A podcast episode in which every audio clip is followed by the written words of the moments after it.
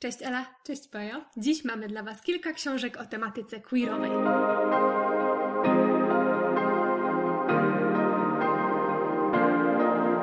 Ten motyw, ta tematyka pojawia się często, a przynajmniej tak mi się wydaje w naszych odcinkach. Mhm.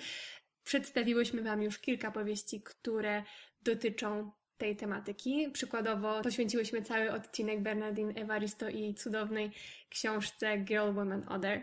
Mówiłyśmy o autobiografii, autoreportażu Roberta Rienta, Świadek. Wspominałyśmy też o opowiadaniach, w których często przewijał się wątek nieheteronormatywny, między innymi u Kirsty Logan i u Julie Armfield.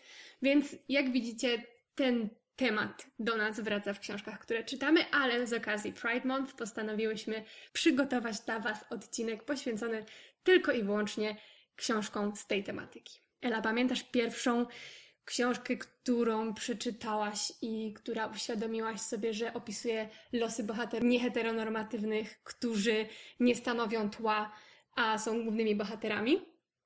Tak, myślę, że to jest ciekawe pytanie i ciekawa odpowiedź w moim przypadku, bo pierwszą taką książką był portret Doriana Greya, który z czasem stał się moją ulubioną książką wszechczasów. I kiedy czytałam go po raz pierwszy, potraktowałam to tak, jak było napisane zresztą na okładce, że to jest powieść gotycka i że należy się właściwie skupić na tym takim potworze wszystkiego, co się dzieje w tej książce. Więc ja wtedy miałam chyba 12 lat, o ile dobrze pamiętam. No i tak ją odczytałaś. Tak ją odczytałam i w ogóle nie zorientowałam się, że tam są jakiegoś rodzaju wątki homoerotyczne. I później, kiedy czytałam trochę więcej o tej książce, padły właśnie tego typu interpretacje tej powieści i bardzo mnie to zaciekawiło. Kiedy czytałam ją drugi raz, oczywiście już spojrzałam na nią zupełnie inaczej i myślę, że od tego właśnie zaczęło się to moje zainteresowanie e, tą tematyką też dlatego, że zastanawiałam się, jak to jest możliwe, że ja tego nie zauważyłam. I e, myślę, że to wiele mówi o tym, że często dostrzegamy to, co widzimy też dookoła siebie i co jest reprezentowane i w literaturze, i w kulturze, i w sztuce, i co dziecko, powiedzmy jeszcze w wieku 12 lat, możemy powiedzieć, dziecko jest w stanie zaobserwować. Albo co dostrzeże w pierwszej kolejności, Tak. albo jaka interpretacja zostanie mu podsunięta, tak jak mówisz, na, na okładce. na okładce było napisane i jak należy czytać i poruszać się Mhm. po tym tekście, więc to rzeczywiście jest też taka wiedza na temat tego, jak świat wygląda i którą można potem odnieść do tekstu, który czytamy, no nie? Tak, więc to był taki sam początek, który nie do końca mi się udał za pierwszym razem, ale właśnie y, dzięki temu myślę, że bardzo wciągnęłam się w drążenie i w takie odczytywanie też nie prostolinijne, ale takie, które wymaga czasem bardziej dogłębnego zastanowienia się. A w Twoim wypadku pamiętasz swoje pierwsze? Tak, w moim, w moim przypadku pierwszą książką e, o takiej tematyce były smażone zielone pomidory, Mhm. o których już mówiłyśmy parę odcinków temu. Do teraz jest to jedna z moich ulubionych książek, naprawdę relacja między głównymi bohaterkami to jest coś takiego dla mnie niesamowicie czułego i wspaniałego i to po prostu funkcjonuje w tym świecie, który Fanny Flagg zbudowała i dla wszystkich y, oczywiste po prostu tak jest i ta historia jest opowiedziana bez żadnych, bez konkretnego nazywania rzeczy po imieniu, a jednak wszyscy od razu wiedzą, że o to chodzi, że główne bohaterki się kochają, że tworzą rodzinę i dla mnie to była taka pierwsza i przełomowa książka tej tematyce, którą przeczytałam, a drugim tak jakby wprowadzeniem mnie Mhm. w temat były Anioły w Ameryce, Tonego Kushnera. Pamiętam jak obejrzałam, zaczęłam od serialu Mhm. HBO. Obejrzałam to raz, a potem jak to skończyłam, od razu zaczęłam oglądać to drugi raz. To było tak niesamowite. W ogóle to było pierwsze dla mnie spotkanie w ogóle z tematyką AIDS. W ogóle. Mhm. Y, Że, że coś takiego było i że to było straszne i, i jaka temu towarzyszyła w ogóle narracja i jak o tym mówiono. Ja po prostu otworzyło mi się wszystko wtedy, jak Mhm. to przeczytałam. Więc to było dla mnie raz wprowadzenie w tematykę, której kompletnie nie znałam, a dwa po prostu no, nie- niesamowicie, niesamowicie dobra sztuka i literatura. Wiem, że przygotowałaś dla nas serię swoich ulubionych książek, która również dotyczy problematyki AIDS. Mam rację? Tak, to jest jedna z moich nie tylko ulubionych książek w tej tematyce, ale myślę, że jedna z moich ulubionych powieści w ogóle, więc e, bardzo serdecznie Wam polecam Nigdy nie ocieraj łez bez rękawiczek Jonasa Gardela, trzytomową powieść e, o bardzo wymownych tytułach Miłość, choroba i śmierć. Więc e, Możecie się domyślać, że nie jest to łatwa lektura, ale zrobiła na mnie ogromne wrażenie i tak jak mówiłaś, dotyczy to właśnie AIDS, tak zwanej epidemii AIDS w latach 80. w Szwecji, ale nie tylko, bo mamy tutaj kilka poziomów na które, na których rozgrywa się akcja tej powieści. Kilka takich poziomów, o których autor mówi. Mamy głównych bohaterów, Rasmusa i Benjamina, których losy śledzimy właściwie od początku do końca. Mamy ogromny krąg drugoplanowych postaci, czyli całą tą społeczność, w której oni żyją i śledzimy jak właśnie ona się zmienia, jak jest przetrzebiona w momencie, kiedy epidemia AIDS wkracza coraz szersze kręgi i właśnie to jest kolejny taki poziom, czyli życie w społeczności, która jest bardzo zagrożona, bardzo odizolowana od społeczeństwa. E, jak to jest żyć, wiedząc, że za chwilę połowa albo więcej Twoich znajomych, Twoich bliskich może już nie żyć albo może cierpieć i zmierzać do śmierci. I jak to jest, kiedy całe społeczeństwo, i to myślę jest ten, ten trzeci poziom, takie ogólne spojrzenie na Szwecję i na Szwedów, jak wtedy się zachowywali, a zachowywali się bardzo nieprzyjaźnie, bardzo wrogo. I właśnie mamy te dwie wspólnoty, tą mniejszą i tą większą, i jak one ze sobą oddziaływują, jak to jest być tym mniejszym kręgu, kiedy jesteś otoczony właśnie wrogo nastawionymi do ciebie ludźmi. O ile dobrze pamiętam, książkę tłumaczyła Katarzyna Tubylewicz i pisała o niej w swojej książce Moraliści. Ty też czytałaś Moralistów. Mhm. Przypomnisz, co, o czym tam mówiła? Tak, to było właśnie w rozmowie z autorem, z Janasem Gardelem.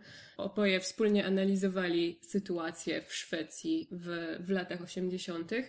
I bardzo spodobało mi się pytanie, które zadała, dlaczego tyle czasu zajęło napisanie tej książki, a może nawet nie tyle napisanie, co przygotowanie się psychicznie też do tego, żeby tę książkę napisać, bo ona opowiada, tak jak już e, mówiłam, o latach 80., a ukazała się całkiem niedawno.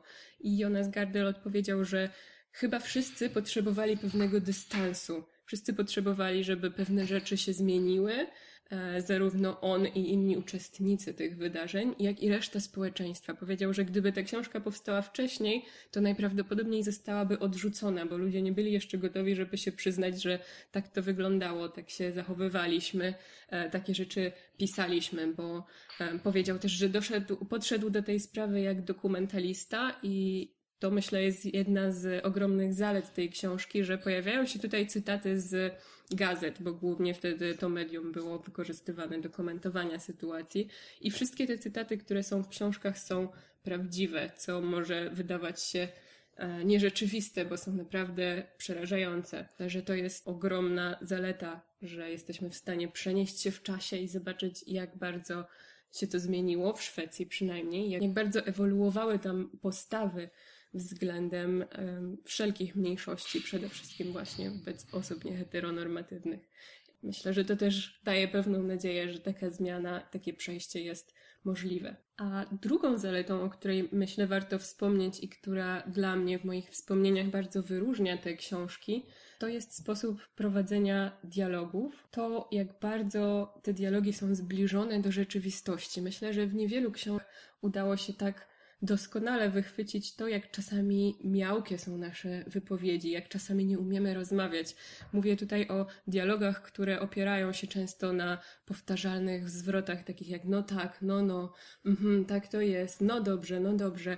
I wbrew pozorom to wcale niczego nie ujmuje tej książce, bo dookoła tych mało znaczących słów są opisy, które pozwalają nam wyczuć właśnie atmosferę, nastrój tej sytuacji i pozwalają nam zrozumieć, że czasami nasze rozmowy tak właśnie wyglądają, że czasami nie jesteśmy w stanie pokonać jakiejś bariery pomiędzy nami, jakiegoś niezrozumienia, może zawstydzenia, rozczarowania, że tak to wygląda, a czasami jesteśmy po prostu bezradni wobec sytuacji, wobec której stoimy i wiemy, zdajemy sobie sprawę, że żadne słowa, a przynajmniej te słowa, które nam w tej chwili przychodzą do głowy, nie są adekwatne i w żaden sposób nie wyrażą tego, co czujemy, więc e, bardzo podobało mi się to, jak naturalistyczne były te dialogi w tej książce. Ta tematyka niedopowiedzenia, niezdolności mówienia o pewnych mhm. rzeczach mhm.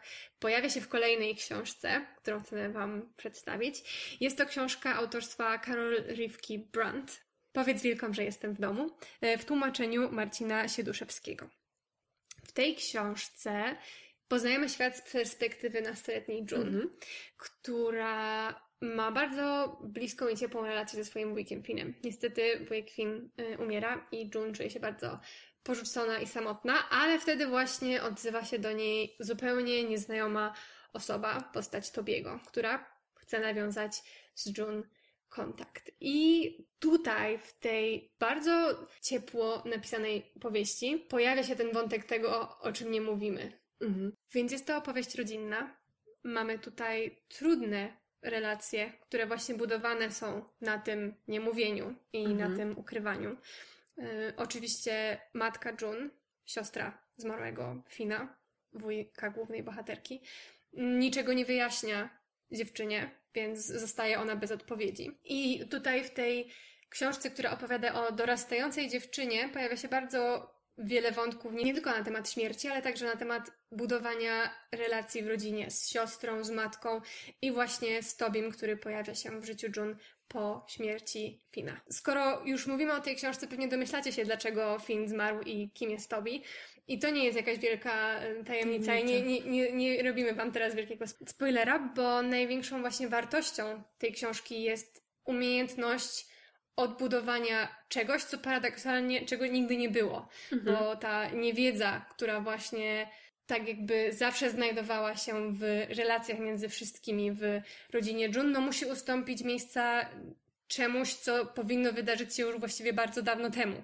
Więc ta odbudowywanie tych wszystkich relacji między wszystkimi bohaterami jest właśnie siłą napędową tej książki i spoglądanie na ten zupełnie nowy świat, który Jun odkrywa dzięki Tobiemu, który pojawił się w jej życiu, jest bardzo wzruszające. Zgadzam się z Tobą, że właśnie te relacje tutaj są najważniejsze i że autorce udało się je pięknie pokazać.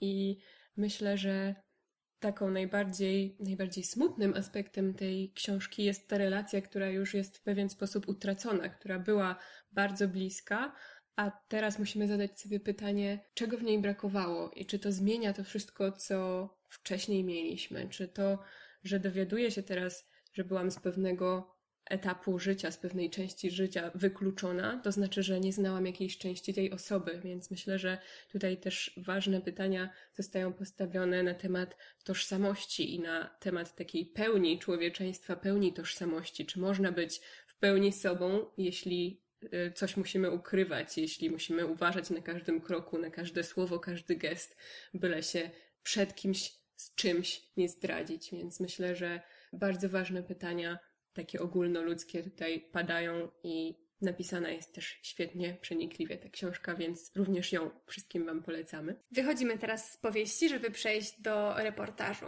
Ostatnio czytałaś wiele reportaży mhm. z Czarnego i jeden z takich reportaży wybrałaś, żeby o nim opowiedzieć w dzisiejszym odcinku. Wybrałam reportaż Lene Volt pod tytułem Honor. Widziałam, że ostatnio bardzo wiele osób czytało tę książkę i bardzo się cieszę, że tak jest, bo jest naprawdę wartościowa.